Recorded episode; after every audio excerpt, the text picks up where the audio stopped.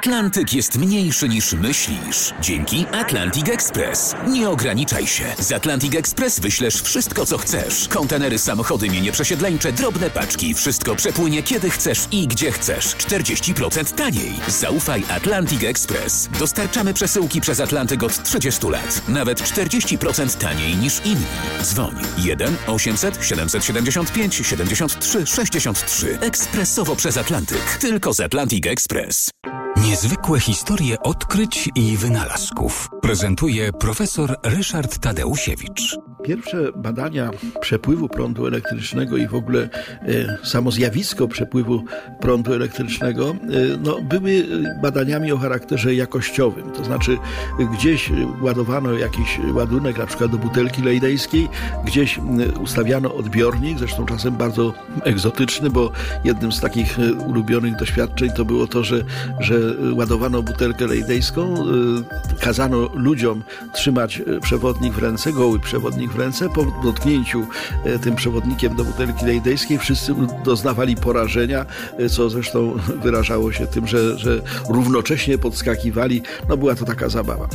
Natomiast fakt, że prąd płynie, że, że, że prąd jest czymś, co ma charakter dynamiczny, no dosyć późno utorowało sobie drogę w świadomości ludzi i wobec tego mm, pojedyncze przewodniki z prądem e, były badane przez badaczy e, po tym dopiero jak e, za sprawą Aleksandra Wolty uzyskaliśmy możliwość zasilania aparatury elektronicznej czy aparatury elektrycznej z odpowiednika dzisiejszych baterii, czyli tak zwanego stosu elektrycznego.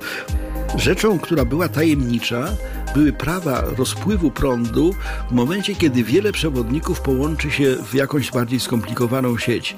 E, to jest klucz do dzisiejszej elektrotechniki, dlatego że nasze domy, nasze tramwaje, nasze elektrownie łączone są przez przewody, które wielokrotnie schodzą się i rozchodzą, tworząc właśnie taką siatkę i węzły tej siatki, a także miejsca, w których te y, przewody się rozchodzą, no, powinny być przedmiotem y, oceny ilościowej, to znaczy powinniśmy się dowiedzieć na przykład, jak też prąd się podzieli w momencie, kiedy przewodnik, którym płynie, nagle podzieli się na dwa przewodniki, od czego będzie zależało, ile popłynie prądu tym lewym, a ile tym prawym przewodnikiem.